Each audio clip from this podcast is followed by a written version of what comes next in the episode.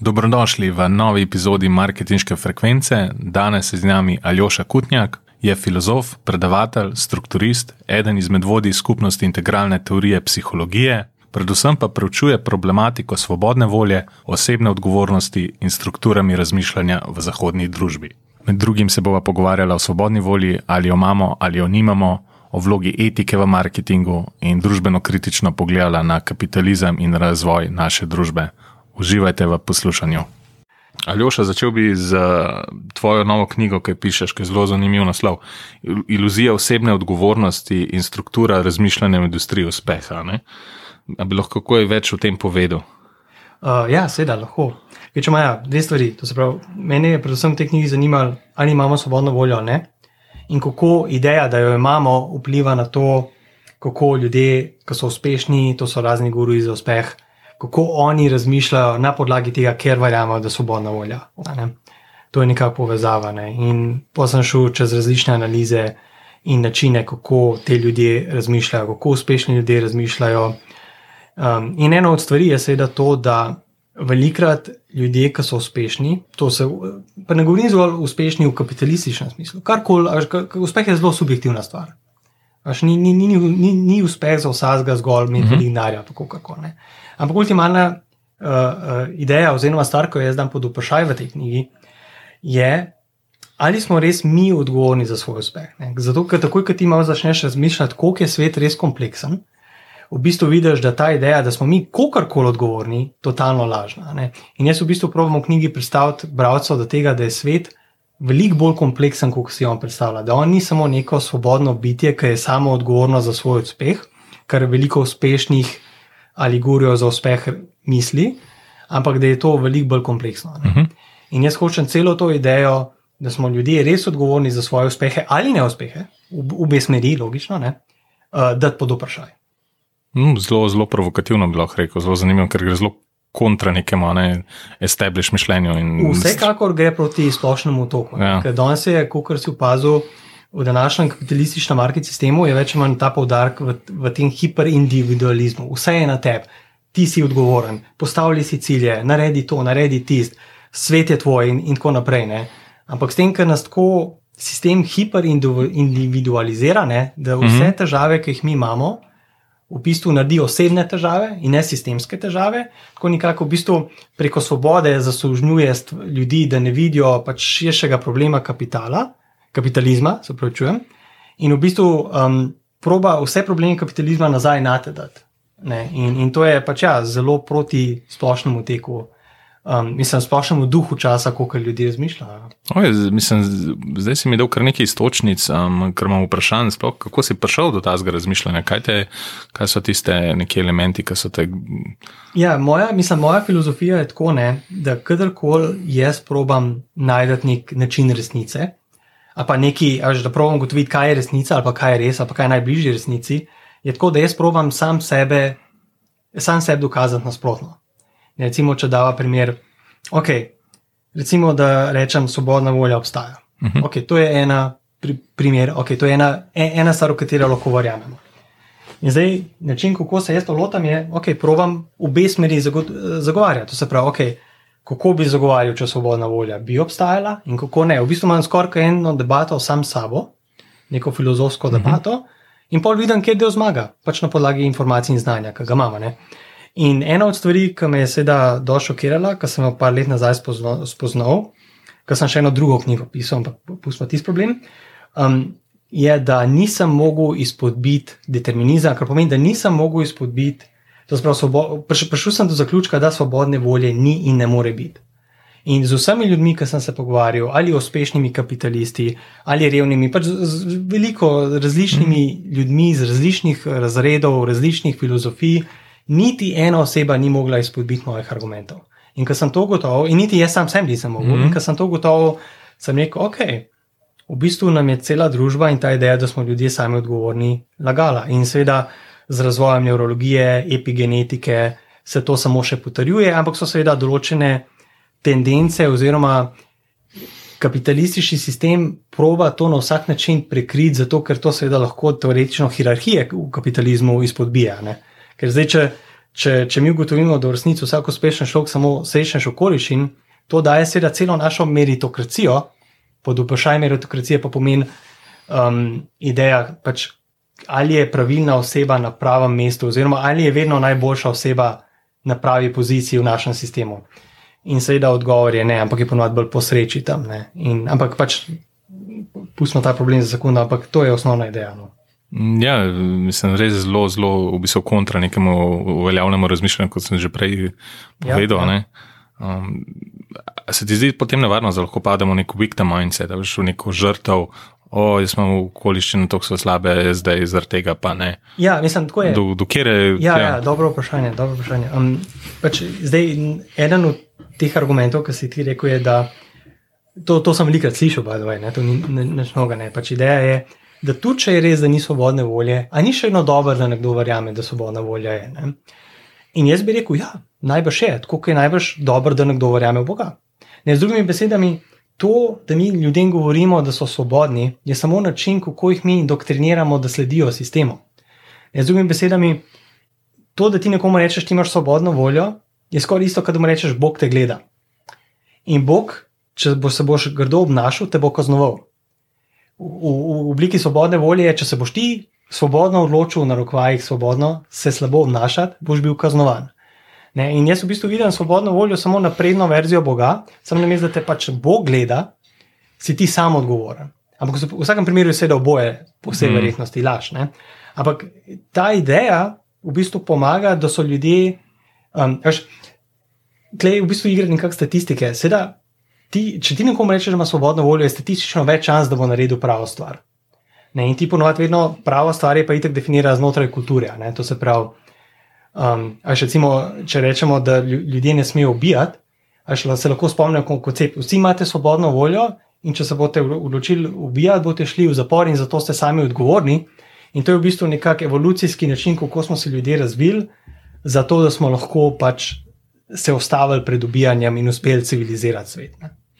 Ja, to je kompleksna stvar. Ja. Ja, zelo, mislim, zelo zanimivo, zelo provokativno in uh, odpira kar dosta vprašanj. Zdaj, če se spogreva na, na svobodno voljo, če, če prijemo z tega, da ni svobodne volje, kot sam trži, trdiš, uh mhm. -huh. kaj so potem vsi te elementi, mi nimamo, mislim, v tvojih besedah nimamo svobodne volje, kaj so potem vsi te elementi, ki vplivajo na nas, oziroma da je nekdo uspešen, kdo ni, kaj potem je, kaj lahko potem človek naredi, če se. Veš, ja, kaj hočem povedati? Ja, zdaj prva stvar, ki verjamem, da se bo najbrž do to prvo vprašal, preden grem na tvoje vprašanje. Veliko tudi folk vpraša, okay, ampak če ni svobodne volje, ne, a politik noben ni za nič odgovoren. In moj odgovor je, ni vedno tako. Pač, tudi če morilc nima svobodne volje, pa je ultimalno bil determiniran, da mori. Še eno je dobro, da gre ta oseba v zapor ali pač v nek dom ali kako koli. Až mi naramo, až ka folk misli, da je edini razlog, zakaj bi mi nekoga zaprli, je zato, ker smo v narekovajih se ta oseba svobodno odločila moriti. Ampak to je čisto relevantno. Pač, um, zakoni in ječa še vedno morata obstajati, samo zato, da pač slabe ljudi probamo nekam dati, jih probati rehabilitirati. In to ima še vedno lahko, ne glede na to, ali mm. so svobodne volje. Sam se mi zdi, da upam, da bo družba prihodnosti pač ne bo videla, da je morilc ali uspešnejši ali brezdomc, kakorkoli se vse ne, um, se svobodno odločil to biti, ampak samo kot produkt nekih okoliščin, ki jih on ni imel pod nadzorom. Um, in, ampak se pravi, pač današnja, pač današnja družba je nažalost preveč površinska, pa preveč preprosta. Ne? Ampak v prihodnosti, če se bo inteligenca ljudi razvijala, a veš, bomo pa pač človeka videli malo drugače, ne? ne kot neka svobodna duša, ki se svobodno pot, pač giblje, mm. ampak kot produkt okoliščine. A, a bi lahko dal kakšen nek miselni eksperiment, oziroma kako bi si lahko predstavljali, da nimamo svobodne volje? Oziroma, ja, ena, ena, zanimiva, ena zanimiva vaja, ki je ironično Ekar Toli dal ki je bila sicer vaja namenjena temu, da ti misli provaš ustaviti. In kar to je duhovni učitelj, mm, smatram, da ga večina poslušalcev yeah. pozna. Ne? Avtor tudi uh, The Power of Now. Power of no, Now, yeah. The ja. New pa tako naprej, res je. Ja? In on je dal eno misel, in mislim eno idejo, eno mantro, recimo, kako koli, no? ki je rekel, probi opazovati, kaj bo tvoja naslednja misel. Ne? In kar to je ne hote s tem, ker to ni bil njegov namen. Njegov namen je imel, da ti probaš utišati in opazovati sebe kot zavest, kako koli. Ampak neizbežno je še s tem dokazati, da ti svobodne volje nimaš, ker če ti v bistvu začneš opazovati, ti ne veš, kaj bo tvoja naslednja misel. In pač, ko pride, pač enostavno pride. Ne, veš, ker, veš, vsak lahko pri sebi vidi, kaj je naslednja stvar, ki jo misli. Pač ne vem, veš, vsak moment samo mm -hmm. misli, želje, karkoli prihaja. Ne. In pa tako v bistvu, tisti, ki meditirate, lahko pač to probate in boste videli. Jaz se jaz ne vem, kaj bo naslednja misel. Jaz tudi ne vem, kaj bom rekel. Veš, jaz nisem vedel, da bom to rekel. Veš, enostavno samo vsak moment sam pride in mm -hmm. se mhm. odvija. In uh, to je en subjektivni test, kako ga lahko narediš. Sam da se vprašaš, kaj bo moja naslednja misel. In boš videl, da ne veš, dokler ja. ne pride v tvojo zavest. Ne, ta, ta, ta je zelo zanimiva. Prost, ja. Ta je zelo zanimiva. To me v bistvu spomne tudi na avtorja knjig z teh področji in tudi neuroznanstvenika Sam Harrisa, ki dam nek podoben primer. Pa... Sam Harris je dal zelo, zelo podoben mm. primer. Ja, ja sej, uh, tudi njega citiramo v knjigi parkrat. Um, tako da ja. On ima tudi podobne primere, um, on, on da še neke primere zmesti, in tako naprej. Ne, meni je bil zanimiv primer, ki je dal glede filmov. Če pomisliš ali, ali filme. Ja, na tri filme, recimo, ki so ti ljubi. Ja. Ne moreš ti odločiti, katere slike se ti bodo prikazale v glavi teh filmov, katera imena ti bodo prišla v bistvu. Točno tako. Pač ti, ja, recimo, če, če rečemo nekomu, ne vem, naštej mi, povej mi en film. Ne, recimo, večina folka pomisli, mogoče ne tri filme. In, in zdaj je pač v bistvu poanta to, da ne samo, da ti ne veš, zakaj si se za te tri filme odločil, ampak um, tudi ne veš, zakaj si na koncu izbral tistega, ki si izbral. Ne, až, recimo, ne vem, če nekdo misli, ne vem, Titanic, uh, ne vem, pa ples v dežju, pa Star Wars, recimo, až pa reče, ne vem, se bom odločil za Star Wars. Ja, zakaj sem se odločil za Star Wars? Ne? In pol v bistvu začneš zato, ker mi je všeč. Ampak imaš ti pod nadzorom, kaj ti je všeč. Až se ultimalno Jaz mislim, da šahmat, kar se tiče, zakaj nimamo svobodne volje, je preprosto to ne. Če ti pogledaš, pač ti imaš določene želje v življenju, ali jaz, ali kdorkoli. In noben od nas ne kontrolira, kaj si želi. Če, če, če, če si jaz želim ubijati ljudi, sem jaz žrtev tega, kar si želim, nisem jaz avtor tega. Ne? In noben ne more vplivati na to, kaj si želi, seveda lahko proba. Ampak, če mu bo rad ali spremeniti, je to spet od sreče odvisno, ker na koncu smo mi samo sužnji naših želja, potreb, kako bi se temu izrazil. In um, če vsak malo preseb, recimo, lahko tesira tako. Ne? Recimo, vse ljudi, ki zdaj recimo, poslušajo mogoče ta podcast, jih mogoče zanima marketing, poslovni svet. Mm -hmm. Ampak zdaj jaz lahko samo vprašam, ali se vi lahko svobodno zaželite, da vas zanima nekaj drugega? Zakaj vas ne zanima, ne vem, religija? Zakaj vas ne zanima, ne vem, uh, zgodovina umetnosti? In odgovor je, da ne ve, ja, pač, pač me ne. In ti nisi odgovoren za dejstvo, da te ne. Pač, až noben od teh ljudi, ki poslušajo ta podcast, niso odgovorni, da jih zanima to. Mm -hmm. In tako smo vsi nekako žrtve ali sečne že svojih želja. Um, ja. Ok, pa če se dotaknemo še malo etike v marketingu, kako ti gledaš na etiko marketinga? Uh, zelo, zelo kompleksna tema. Ne. Zdaj pač najbolje je, da mogoče, če poveš, kakšen primer, ne, da lahko točno obdelava, ker je itak pač za vsak marketinški prijem imaš ti milijon nekih stvari, o katerih je treba razmišljati. Ne. Tako da, načeloma, seveda sem za čim bolj etičen marketing, ampak spet je pa to zelo subjektivno, ker morala etika in tako, tako spet stvar družbene presoje v času in trenutku, kjer se ta družba nahaja. Ne. Tako da, Če imaš še en primer, pa lahko malo preverjava. Primer, ki ga imam, je recimo prodaja um, oblek, torbic, čevljev. Ker jaz kot marketinger, če želim več prodati, um, lahko igram na tvoje insecurities, na tvoje, na tvoje prepričanja o tebi in um, te moram nekako. Prepričati, da to, kar ti zdaj nosiš, ni dovolj dobro, da rabiš ti um, kupiti to novo torbico, te nove čevlje, da boš bil lepši, boljši, um, bolje sprejet v družbi, da boš imel večji status, da to, kar imaš trenutno, ni dovolj dobro. Kako gledaš na to? Ja, mislim, Pač, se, to, je, to je ta konflikt, ne, ki ga ima marketing, pa nasploh problem v kapitalizmu.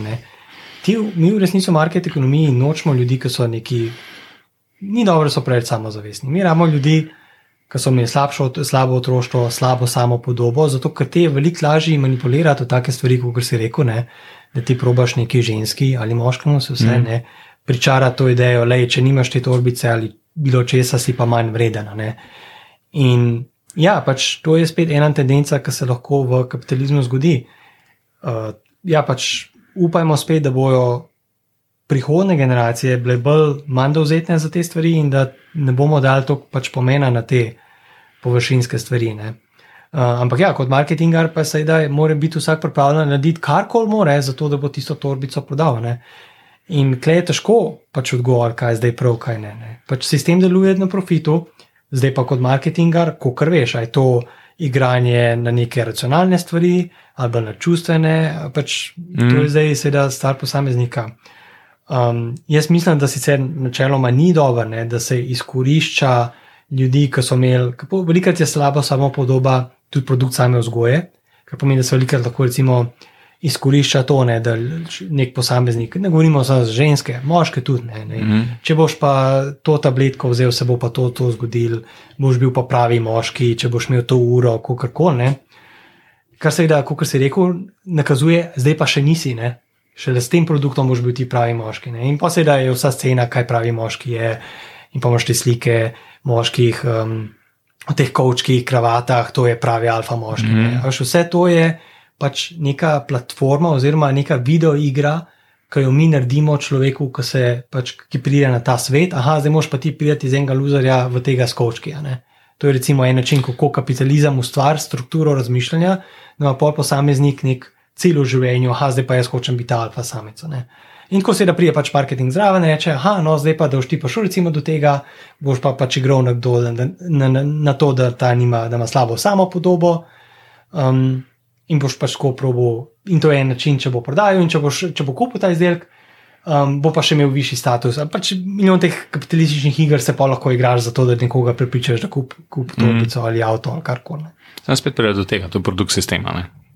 Uh, ja, to je produkt sistema. In, in kulture, pač karkoli si, kar si bo vsak posameznik govoril za to, da gre lažje zvečer spat, dokler lahko zvečer spi, jaz pač nimam kaj reči. Mm, zanimivo mi je, kako družba recimo, vpliva na vse to vrednote, ki jih imamo.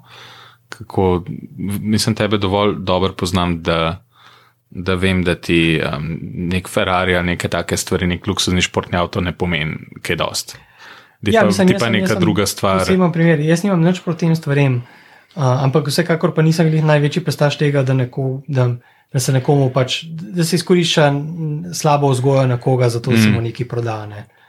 Um, ampak ja, pač to je dolg čas, v katerem smo, tako pač uh, stvari v kapitalizmu funkcionirajo.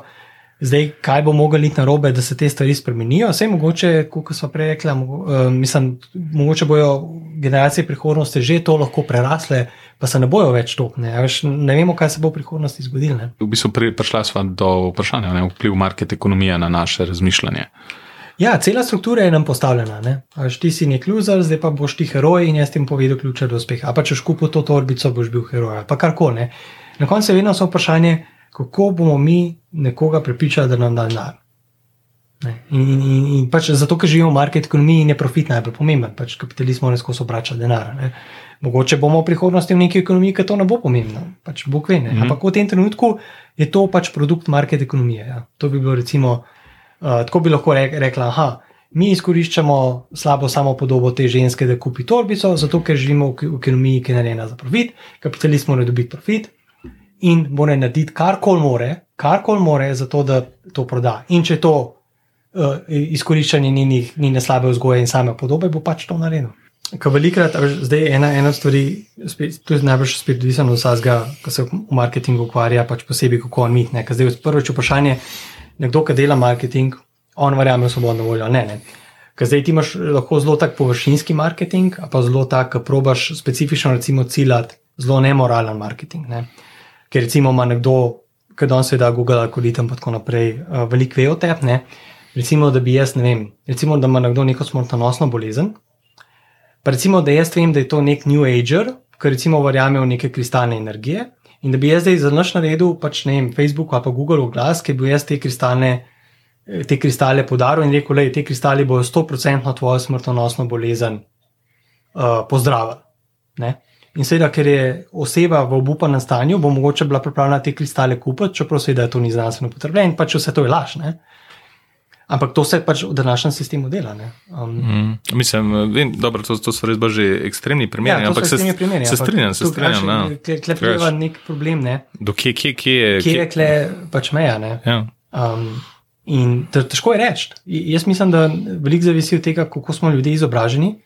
Až sej, čas, až, až, problem je, ti si lahko zelo nemoralen marketingar. Uh mhm. -huh. Pa itak reče, da ne vse, oni so itak svobodno voljo, vse so sami odgovorni. Jaz jim pač dajem glas za to, ko hočem zaslužiti. In ja, pač te, až, težko je mejo postaviti, kaj je dober etičen marketing, pa kaj ni. Ne? Najbrž seveda zavisi od tega, kaj se prodaja. Um, Máš seveda tudi dober marketing, logično, ne? in ni vsak marketing slab. Jaz mislim, da predvsem marketing mora biti um, ustvarjen za dobre stvari. To se pravi, da se ozavešča za stvari, ki so pozitivne za svet. Um, mm. Ker ko v tem svetu smo vsi marketingari.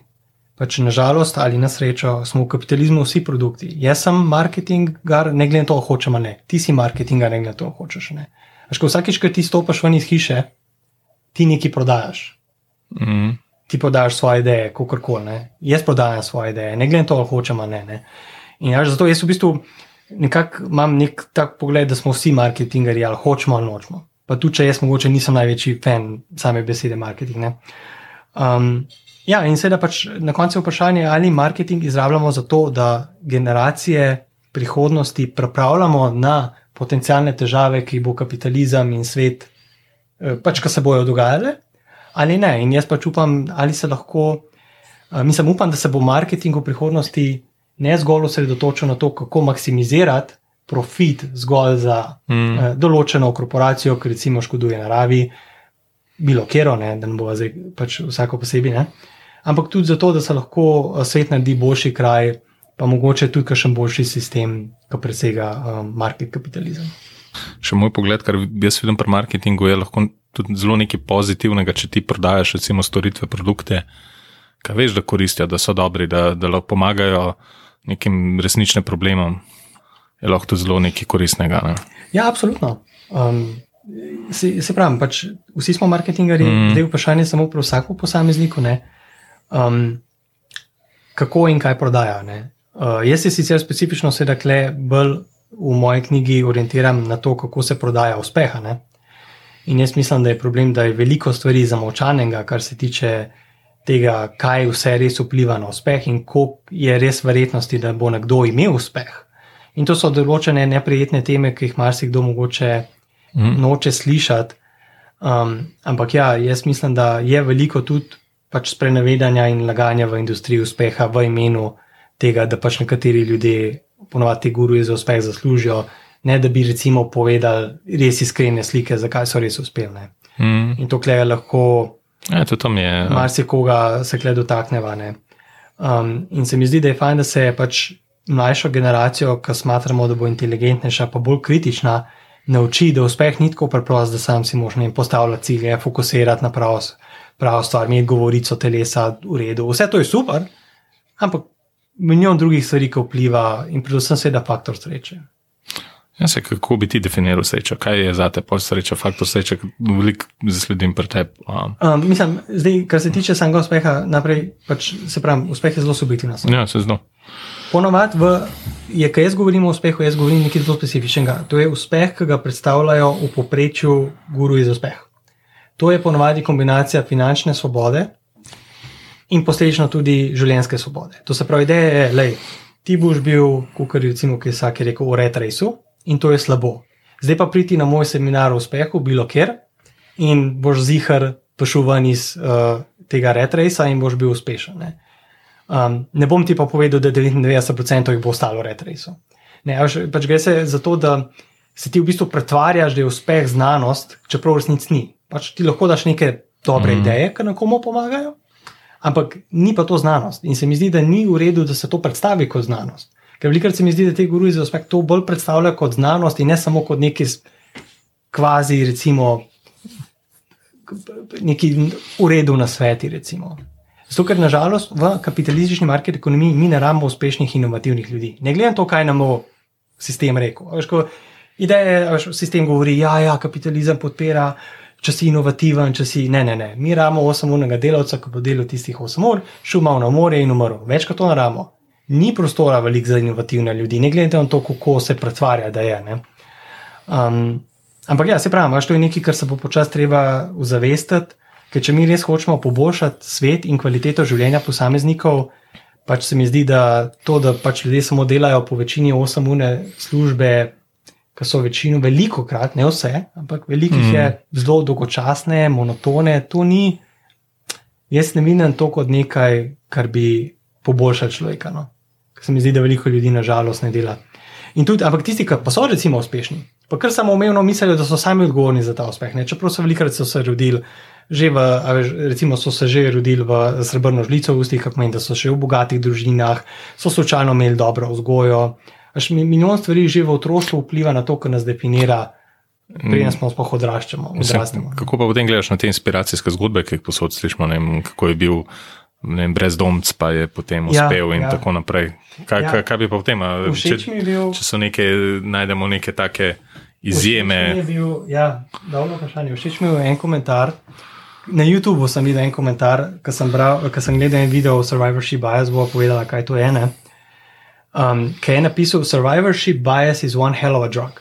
Jaz sicer zdaj ne vem točno, kakšen je slovenski prevod za survivorship bias, ampak gre za čist preprost koncept, uh, ker sem jaz par folka testiral, par folka sem testiral in so vsi fejlali na tem testu. Ne?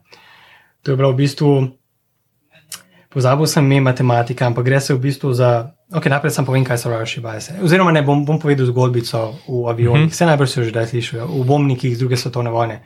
Okay, če ima bila je pač ideja, da so generali razmišljali, da so prav poslali so bombnike uh, pač bombardirati, ne? in se jih je recimo, mislim, da 50% vrnili. ne. In tisti, ki so se vrnili, so mi pač, mogoče bi se mogli sliko pokazati, ampak upam, da si bojo lahko ljudje predstavljali. Ne? Tisti, ki so se vrnili, so imeli pač luknje na obrobju, na obrobju bombnika. Ne? In pa se je ideja je bila, ko so prišli, pač ko so generali videli, so mislili, ok, idemo mi v klep tam, ko so te luknje. Ne, zato, ker zgleda, da je pač avion tam, oziroma bombnik najšipkejši. Ne? Ampak v bistvu je bilo to, in je pač en, uh, en matematik je prišel, Abraham, neki pozabil sem ime, ne, ki je v bistvu rekel, ne, to je velika napaka, tam je avion najmočnejši. Ker vi gledate avione, ki so prišli, ne tisti, ki so vzad ostali. Ker v resnici, če bi hotel te avione zaščititi, bi mogel glih tam, ker ni lukan. Mm, Nekaj tam je najšipkejši. In, in to se isto dogaja v self-help oziroma success industriji. Ne? To se pravi, kad ti vidiš te inspiracijske zgodbe, bodi si na TikToku, YouTubu, Facebooku, ne? to, až ti vedno samo gledaš, kaj so ti ljudje naredili prav, da so prišli do tja. Ne? Ampak ignoriraš pa 99% tistih, ki so ravno tako se trudili, ki so ravno tako poskušali, ampak za, pač zaradi bilo katerih razlogov pač niso mogli. In veš, to je spet ta eh, neka kapitalistična propaganda, ki daje povprečnemu nizkorazrednemu človeku neko upanje, ah, se ti boš pa uspel. Ampak ne bo pa nikoli ta propaganda povedala, da 99,2% ne bo uspelo. Ne, in ti zdaj danes lahko social medije še to lažje to prekriješ z vsemi temi inspiracijskimi videi, ki imaš enega, ki je bil drugeraš, pa je pola, veš, uspel, ali pa en, ki je brez roke, pa je, pa je ne vem, zlezel na goro, pa kakorkoli. To so vse propagandni videi za to, da poprečnega človeka pre, prekrijejo naravo kapitalizma in kako se v resnici stvari dogajajo. uf, kar težko. Zdaj, nočem, da je cel podcast doom in gloom, tako da. Ampak ja, ne, se, se razumem, štekam, kaj, um, kjer smer. Ampak če bi hotel vsem dati ne, neko pozitivno noto izven tega, ker govoriš ti o uspehu, v bistvu govoriš, kot si sam prej povedal, ne, ne, o nekom, ki je potem finančno svoboden in tako naprej, kar res. Ja, ja. A ne, neki tazga, ampak se mi zdi, da povsem živimo v časih, ki je mogoče bilo, la, ki je zdaj lažje, kot kar kadarkoli prej si zgraditi neko, zahvaljujoč tehnologiji, izobraževanju, ki je dostopno, imaš Google, YouTube, v Ja, bistvu in ja. tako naprej, zagotoviti neko, nek poklic, neko prihodnost, ki te veseli, kar tok veseli, veš, in da, da se čutiš koristnega družbi, um, in da imaš lahko vsaj neko lepo življenje ven iz tega. Se ti ne Um, zdi? Mislim, tako me neko opcije je siguran več, ampak ti to naš ne pomaga, če tebe te opcije ne zanimajo, pa te jih noben ne uči. Ne? Až ker, ja, teori, teoretično je več opcij, absolutno se strinjam. Ne? In ja, seveda je danes na papirju veliko več možnosti za uspeh, kot kadarkoli v zgodovini človeštva. Mm, Ne, ampak še vedno se mi zdi, da statistično gledano bojo kljub temu zelo redki res uspeli. Ampak na srečo je že, um, a še ena sreča, ki jo imamo, je, da je tehnologija tako napredovala, da danes tudi zelo reven človek, živi, kot je kralj, ne vem, vse na veku, kako koli. Tako da še vedno je veliko ljudi brezdomcev, pa tako naprej, in seveda to moramo popraviti, logično. Ne. Um, ampak na srečo ali na žalost, kako koli obrneš, ne smo že tako prišli, da tudi najbolj reven človek, vsaj v zahodni kulturi, no, um, je že tok, da vsaj lahko ima kar toliko osnovne potrebe zadovoljene. Ne. Ampak še eno se mi zdi, da so razmerno zelo, zelo malo prostora, da bi ljudje imeli res orang uspeh. Ker se da tudi objasni, zakaj ima vem, 1% ljudi neko 50%, a zdaj že 80% mm -hmm. vsega premoženja. Najbrž ne zato, ker so to trdo delane, ampak zato, ker je pač v sistemu vse tako narejeno, da imajo bogati samo še več denarja. Ne. In až tukaj pride do te manipulacije. Ker mi govorimo, recimo, to je zelo to je zanimiv fenomen. Ker se mi pogovarjamo z revnim človekom, bomo rekli, da ja, vse je v tebi, zmoraš, postavljaj si cilje, fokusiraj se na pravo stvar. Spremeni sebe, sistem je perfekten. Kaj delajo bogati? Podkupujejo in lobirajo vlado, zato da vlada naredi zakone, zato da oni še več denarja dobijo. Oni spremenjajo sistem, kar je ironično, zato ker malemu človeku skozi govorimo, ne, ne, vse je na tebi, ampak oni, tudi, to se pravi, višji klas, ni tako neumen, itek da vejo, koliko je ura. Zato pa pač podkupujejo. Se Amerika je več manj cela podkupljena strani korporacij. Ne? In eh, pač, koliko delač bo mogel iti, zdaj so sicer v Ameriki stavke bolj popularne, ne mislim, da John Deere stavkajo, pa neki so na Amazonu. Mm. Ampak več, se sprašujem, koliko delač mora iti ta opresija.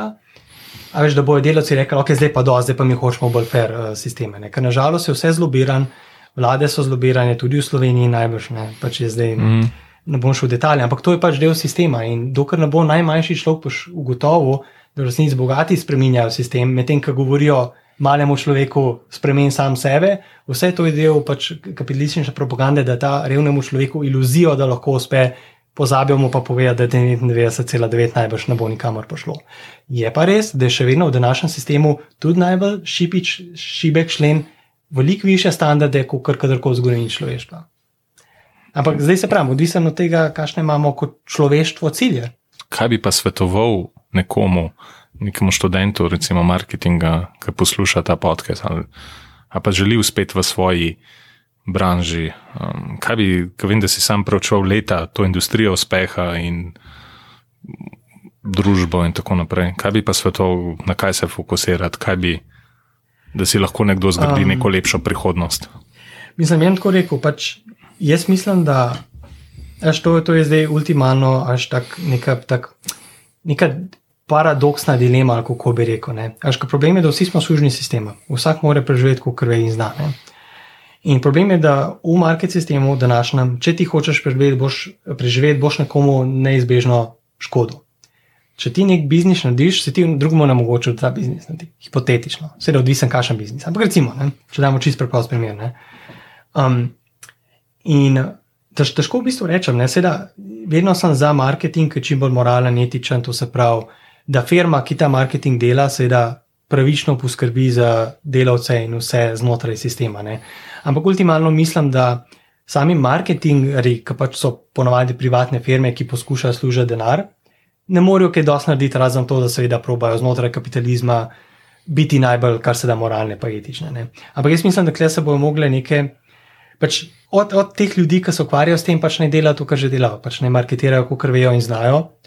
TikTok, YouTube, pač social media, kako koli, zato da pač čim več profita dobijo. Kaj tako nimajo izbire, pač to je sistem, tako funkcionira. Um, mm. Ampak dolgoročno pa upam, da se bo pač kaj pač premaknil bolj v smislu sistemske spremembe. Ampak kaj to bo, kako se bo to, ali se bojo vem, ljudje na nižjih razredih prebudili, ali, ali bojo ljudje na spohrata ali bolj. Um, so čustveni, pa mogoče spremenili sistem. To je težko točno reči. No. Um, tako da, klej, v bistvu jaz ne bi nič predlagal, kar najbrž tudi ti ne bi predlagal, oziroma bilo kjer strokovnjak za marketing. Pač vsak naj naredi to, kar more, da čim več denarja zasluži. Jaz bi samo v tem trenutku pač podprl čim bolj etičen mm. način, to se pravi, da so vsi delavci plačani normalno in da ni toliko izkoriščanja. To je pa to. Za kakšne večje sistemske premike bomo uporabljali da se bo kaj balorang spremenilo. Tam, ampak tam pa nimam na sveta, zato ker vsi smo samo ujeti v duhu časa in ne vemo, kako se bo razpletel. Zdaj um, so se pogovarjali tudi prej v etiki, vse se skozi dotikamo tega v marketingu.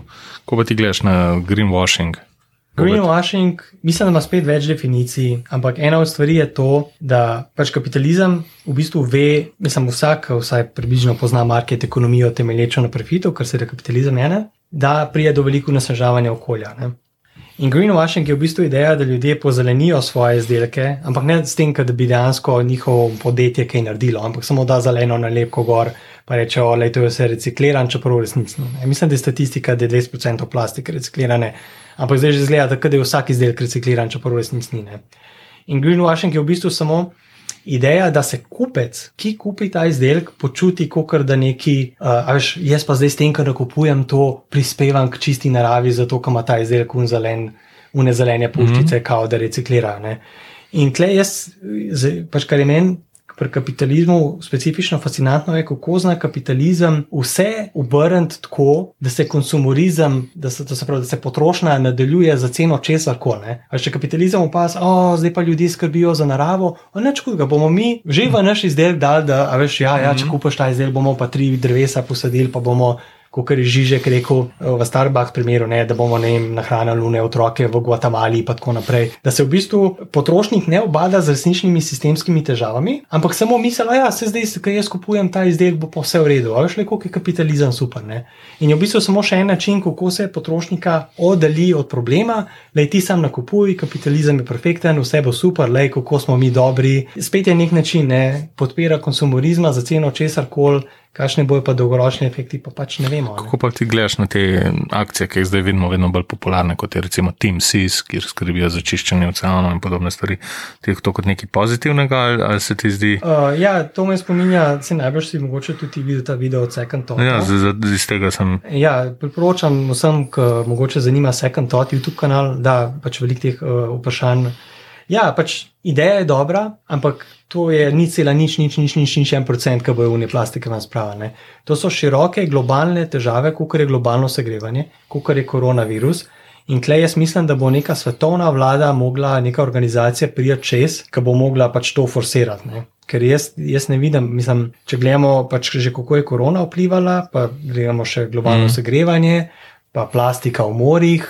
Uh, Jaz mislim, da market ekonomija, kot jo poznamo, ne vidim, kako bo lahko funkcionirala v prihodnosti, ker pač se narava preveč uničuje. Ampak tehnologija napreduje in, recimo, David Harvey, eden najbolj znanih, še živečih um, marksističnih ekonomov ne verjame, da se kapital lahko prilagodi tudi tem razmeram in da bojo nove firme prišle, ki bojo pač računale za pucanje tega morja. Um, jaz ne vem, iskreno, jaz imam premalo informacij, jaz mislim, da tudi David Harvey, Harvey in vsi, ki nas to zanima, več ali manj ugibamo, ker ne vemo, kaj se bo zgodilo. Um, ampak jaz sem vedno pač nekdo, ki verjame, da demo narediti, tudi če bo mogoče v prihodnosti neka čudežna ekonomija, eh, tehnologija, ko vse reši, demo se predstavljati, da ne bo, pa že zdaj probati nekaj narediti. Mm. To, ne? Ker se mi zdi, da kašni misli, ah, se bo že neka, neka nova mašina, ki bo vso plastiko ven spravila. Mogoče bo, super, lahko kapitalizem nadaljujemo, sem takoj za. Ampak dajmo se pretvarjati, da ne bo. Se mi zdi, da je to bolj varno. Ne, ne se strinjam. Zdaj sem začel razmišljati o filmu, ki smo ga gledali nedolgo nazaj na Netflixu, Don't Look Up. Ker je bilo, um, ker nek komet, uh, meteor leti proti Zemlji in se človeštvo ne zaveda pomena in resnosti grožnje in je bila neka zelo dobra prispodoba na trenutno situacijo, ne, kar se tiče globalnega segrevanja, onesnaževanja in vsega nekih teh globalnih problemov, ki se nas vse tiče, ki se jih premalo zavedamo, bi rabili neko kolektivno akcijo. Bi... Ja, mislim, jaz filma nisem gledal, ampak gledina, sem pa videl pač reklamo ne, in se mi zdi, da v bistvu nekako ta komet v bistvu samo simbolizira mm. vse moderne kapitalistične oziroma svetovne težave, ki jih imamo. Um, pač te team seas, pa vse te stvari, to je nič, nič, nič, nič, en procent. Ne. Tako da bomo videli, se pravi, pač. Uh, Težko je reči, kako se bo stvari napovedale. Najbrž bo seveda več, več, več in več privatnih firm, ki se bodo s tem ukvarjale. Ampak jaz mislim, da bomo mogli pač cel sistem market ekonomije, ki temelji na profitu, spremeniti. Konec koncev ta ideja neskončne potrošnje za ceno česar koli. Um, ne vidim, kako se bo to končalo. Zdaj lahko, da se bo kakšna nova tehnologija vmes iznajdla, bog ve, ampak uh, jaz mislim, da bo treba nekaj iznad market ekonomije, to se pravi neka vladna organizacija, kot imamo svetovno zdravstveno organizacijo, samo da bo, ne vem, svetovna organizacija za čista morja, pa ekologijo mm. ali pa kako koli. Da rabimo neko kolektivno svetovno akcijo še na. Ja, neko kolektivno svetovno organizacijo, ki bo pač te akcije diktirala po svetu. Okay, um... Zdaj, če smo se dotaknili teme svobodne volje in korporacij in market ekonomije, A se ti zdi, da slišimo potem te evil korporacije in to se ti zdi potem evil? Ali... Ja, mislim, kot smo rekli, ne, v strukturalizmu se vedno, se vedno vprašamo, kakšno kolišine vplivajo na to. Ne. Ja, pač ljudje, kot so ne vem, Jeff Bezos ali kakorkoli, kjerkoli narekovaj zloben kapitalist, ne, je samo produkt sistema mm. in je zelo dober znotraj tega. Ja, se jaz napravim. Um, Jeff Bezos ni namenoma slab človek, čeprav se da dela veliko stvari, ki so zelo slabe oziroma dopuščane. Ampak ja, pač to so tendence v kapitalizmu in jaz mislim, da je predvsem to, da se bo generacija prihodnosti, to se pravi mlajše generacije, mogle zavedati oziroma vprašati, kaj je vplivalo na to, da je Jeff Bezos tako je, ali Bill Gates ali kdorkoli, ki ga smatramo kot zlobnega. Mm. Ker vsi ljudje, bodi si zlobni ali dobri, so samo produkt okoliščin. Isto velja za ne vem, bilo koga. No. Pač vsi smo samo produkti okoliščin, vključno z Jeff Bezosom. Pač mm. Kapitalisti sam delajo to, kar sistem od njih hoče, kar seveda pomeni, da so oni neka vrsta žrtev ali srečneži mm. sistema. Vse zato. Um bi lahko rekli, da v bistvu te korporacije niso ni evil, ampak samo igrajo pravila družbe in pravila market ekonomije ne? po, po teh um, pravilih. Ja, ja. Pač, ja, zato pravim, da bo neka organizacija, neka vlada mogla stopiti vmes in reči temu stop. Če mm. se bo seveda uh, ekosistem in globalno segrevanje in pač uh, vse, kar pač rabimo za to, da bo življenje na Zemlji funkcioniralo, pa če se ekosistem razvije, pač ti rabiš neko organizacijo, ki bo te mm. korporacije pač postavila na svoje mesto in tako naprej. Seveda, vedno je do, dobro, da, mar, da pač bilo, iz, bilo kateri izdelek se prodaja, da je seveda čim bolj ekološki in tako naprej. Ne? Ampak jaz mislim, da dolgoročno bomo mogli tudi ekonomijo spremeniti.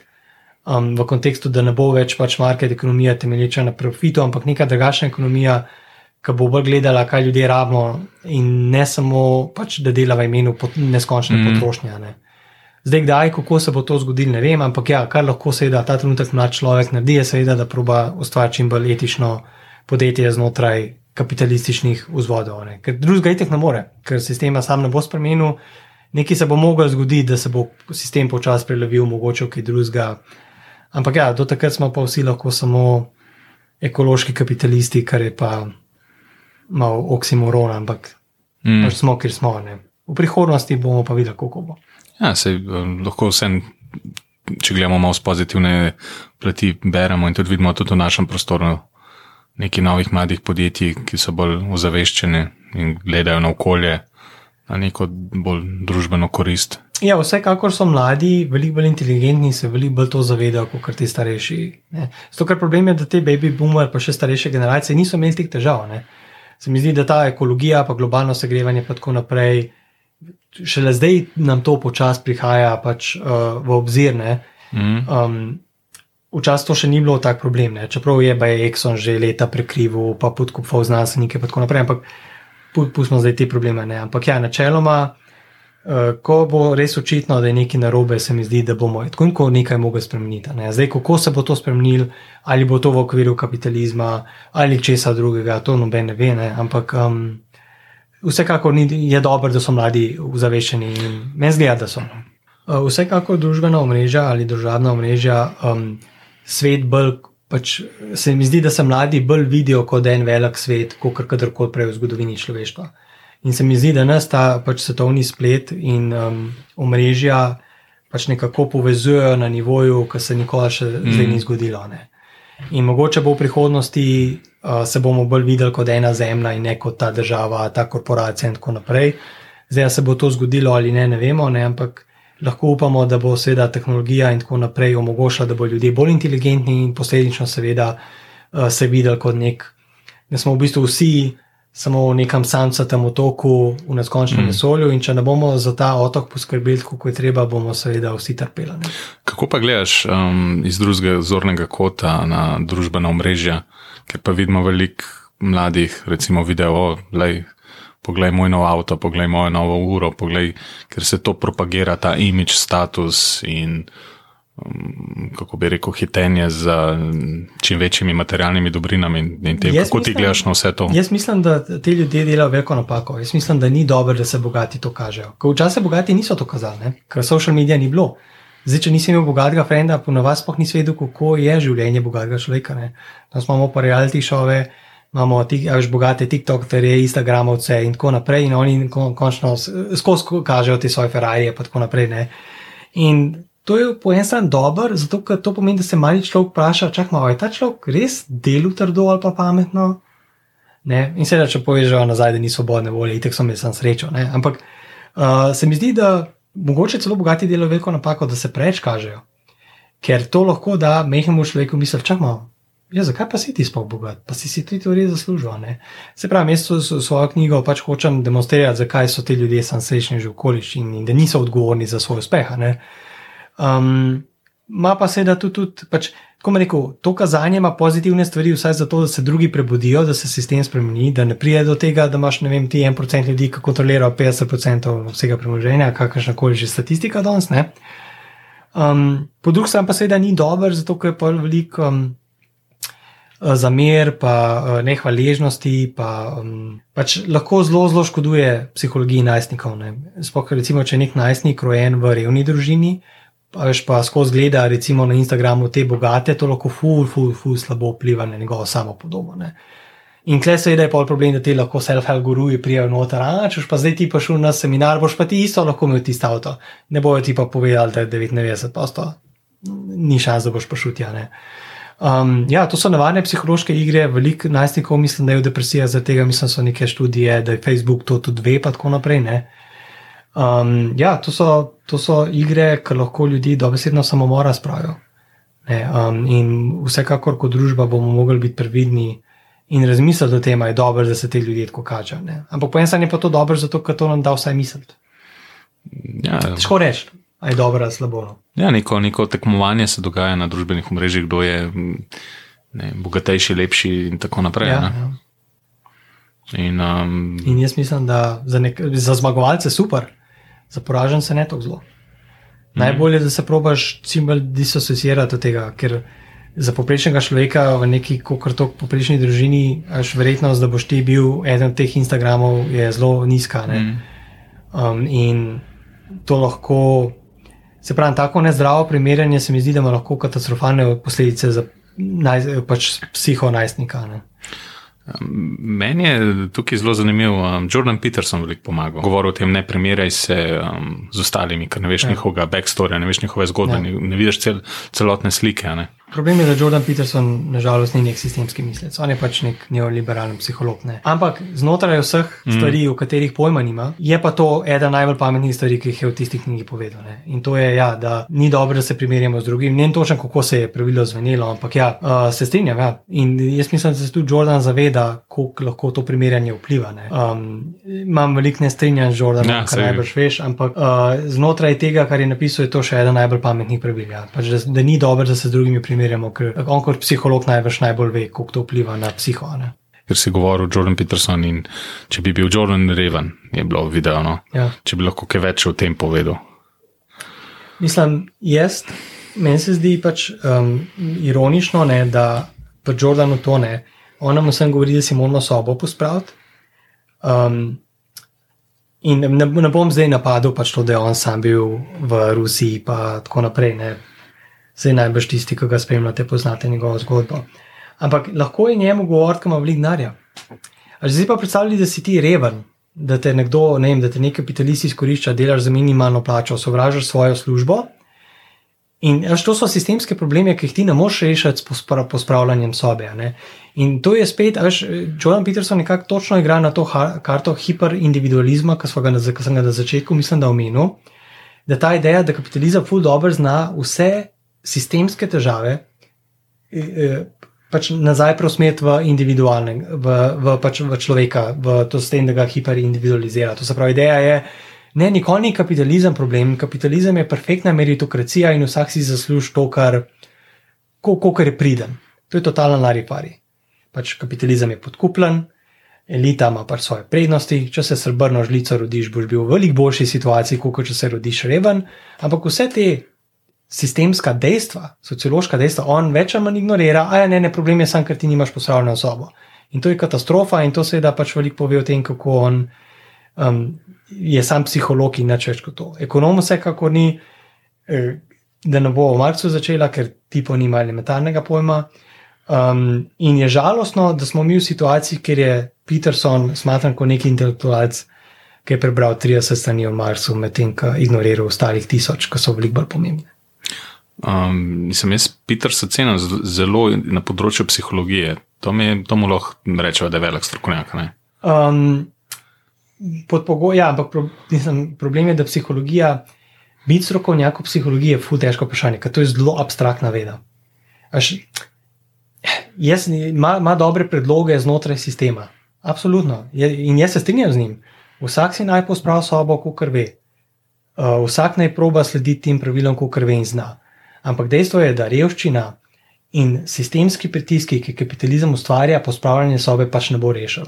Tam pa moramo mi imeti neke sistemske vzvode, ki bodo preprečevali revščino, ki bodo preprečevali vse stvari, ki jih kapitalizem ustvarja.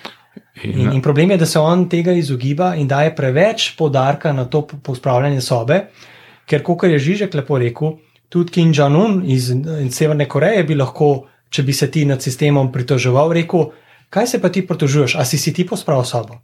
Veš, ne moš mi ti izgovor, da če se ti pritožuješ nad kapitalizmom, eh, da se kao ne smeš, če nimaš pospravljene sobe. Ker to lahko vsak totalitarni vodja reče. Za, v bilo kjeran sistemu, ne samo v kapitalističnem. Ne? In to se Jordan nažalost mm. ne zaveda. Ne? Se pa strinjam, da so nekateri predlogi dobri, kot smo prej tisto pravilo, da se ne z drugimi primerjati. Okay, um, kako pa potem vidiš, da se malo oddaljiva od Petersona? Um, kako potem vidiš prihodnost kapitalizma, oziroma kaj vidiš prihodnost družbe, um, kam gremo, oziroma ja, kaj jaz, si želiš, kaj bi bila potem rešitev? Jaz, ful, ne rad napovedujem prihodnost, ker se mi zdi, da se až isto, isto problem s social medija. Až zdaj lahko smo vsi pametni, kako social medija spremenja svet. Ampak až deset let nazaj, pa ko se je YouTube začel, pa Facebook 2.7, 2.4, neko kakor, noben ni vedel. Ne, um, ne vem. Uh, Veliko ljudi že recimo še, že skozi, že skozi prejšnjo, prejšnja stoletja so že vsi napovedovali, kako bomo padec kapitalizma in tako naprej. Ampak se mi, di, se mi zdi, da kapitalizem se je nekako ful dobro uspel, uh, kljub vsem krizam zvleči, ker je zelo ne, nestabilen sistem. Ne. Um, jaz mislim, da velik je kapitalizem rešil tudi, da je tehnologija tako napredovala, da tudi če je sistem slab za večino, je tehnologija tako dobra, da še vedno bo večina dobro živela. To je ena dobra stvar. To je nekaj, kar rimski imperij ni imel. Vse mogoče bi rimski imperij, če bi takratna tehnologija obstajala, tudi če vedno do danes bil, bog ve, ne, pač, noben ne mm. more vedeti. Um, jaz samo upam, da lahko naredimo v prihodnosti pač, uh, nek bolj human sistem, ki ne bo ljudi vrgel pod vlak, če pač nimajo, um, če so se rodili uh, na napačnem mestu, na napačnem kraju. Ne. In jaz mislim, da z te osto idejo, ki jo predstavljamo v knjigi, da svobodne volje ni, da je osebna odgovornost, iluzija in tako naprej, to je eden od Ker ena od osnovnih načel kapitalizma je, da si moš sam pomagati, ker imaš svobodno voljo. Če pa to vržeš ven, se pa cela osnova kapitalizma podreja.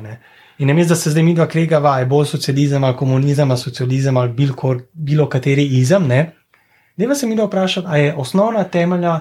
Eh, temeljna, temeljno prepričanje kapitala, da so ljudje svobodno, volj, svobodno voljne duše, ki bojo se potegovali v market ekonomiji in da vsak si zasluži to, kar bla bla bla. Ne? Ali je to res? In če odgovor ne, pa pa razmišljamo, kaj bi bil alternativni sistem. Ampak um, jaz mislim, zaenkrat res zgleda, da gremo v neko distopijo, ne, nekaj cyberpunkovskega, ne, da bo na koncu neka ne tehno-feudalizem nastal. Ne, um, ne vem, je, pač jaz upam, jaz hočem mlajši generaciji povedati, da je svobodne volje ni. Uspeh ni tako, kot vam kapitalizem predstavlja, stvari so veliko bolj kompleksne, to so dejstva. Zdaj pa mi iščemo način, kaj bi bil boljši sistem, ampak kaj pa to bo, pa jaz ne vem. Mi, mi pač svet se tako hitro spremenja, tehnologija se tako hitro spremenja, da jaz ne vem, kaj se bo jutri zgodilo. Bog ne da, da mi jaz povedal, kaj čez sto let. Ne, ne more, noben ne more vedeti, vsak lahko ugiba, vsak se lahko pametnega dela, ampak ne moramo vedeti, svet je enostavno preveč nepredvidljiv. Jaz sem vesel, da smo tukaj, ko smo. Mm -hmm. Jaz mislim, da človeštvo je naredilo kromozanske korake napram preteklosti, spoh tehnološko. In zdaj lahko samo upamo, da bo inteligenca ljudi tako visoka, da se bomo videli, kot sem prej omenil, kot en planet, ki lahko ustvari neko, nek sistem, ki bo za vse, kot to funkcionira, kar nažalost kapitalizem v danem sistemu ne. Um, wow. Mislim, da je bila kar uh, globoka debata današnja. Um, tako da upam, da ste uživali v poslušanju. Aljoša, hvala. Hvala za povabilo. Ja, hvala, da si si vzel čas. Um, koga od poslušalcev, če zanima kaj več o, o tvojem razmišljanju, o, o tvojim tvojih pogledih, bomo dali tudi linke do tvojih kanalov na, na družbenih omrežjih, ker si bodo lahko pogledali nekaj tvojih YouTube videov, ker se poglabljaš bolj v, v te teme, ki smo jih danes obdelali. Mene je kar velik dan misliti. Tako da res še enkrat hvala, da si si vzel čas, pa upam, da ste uživali v poslušanju.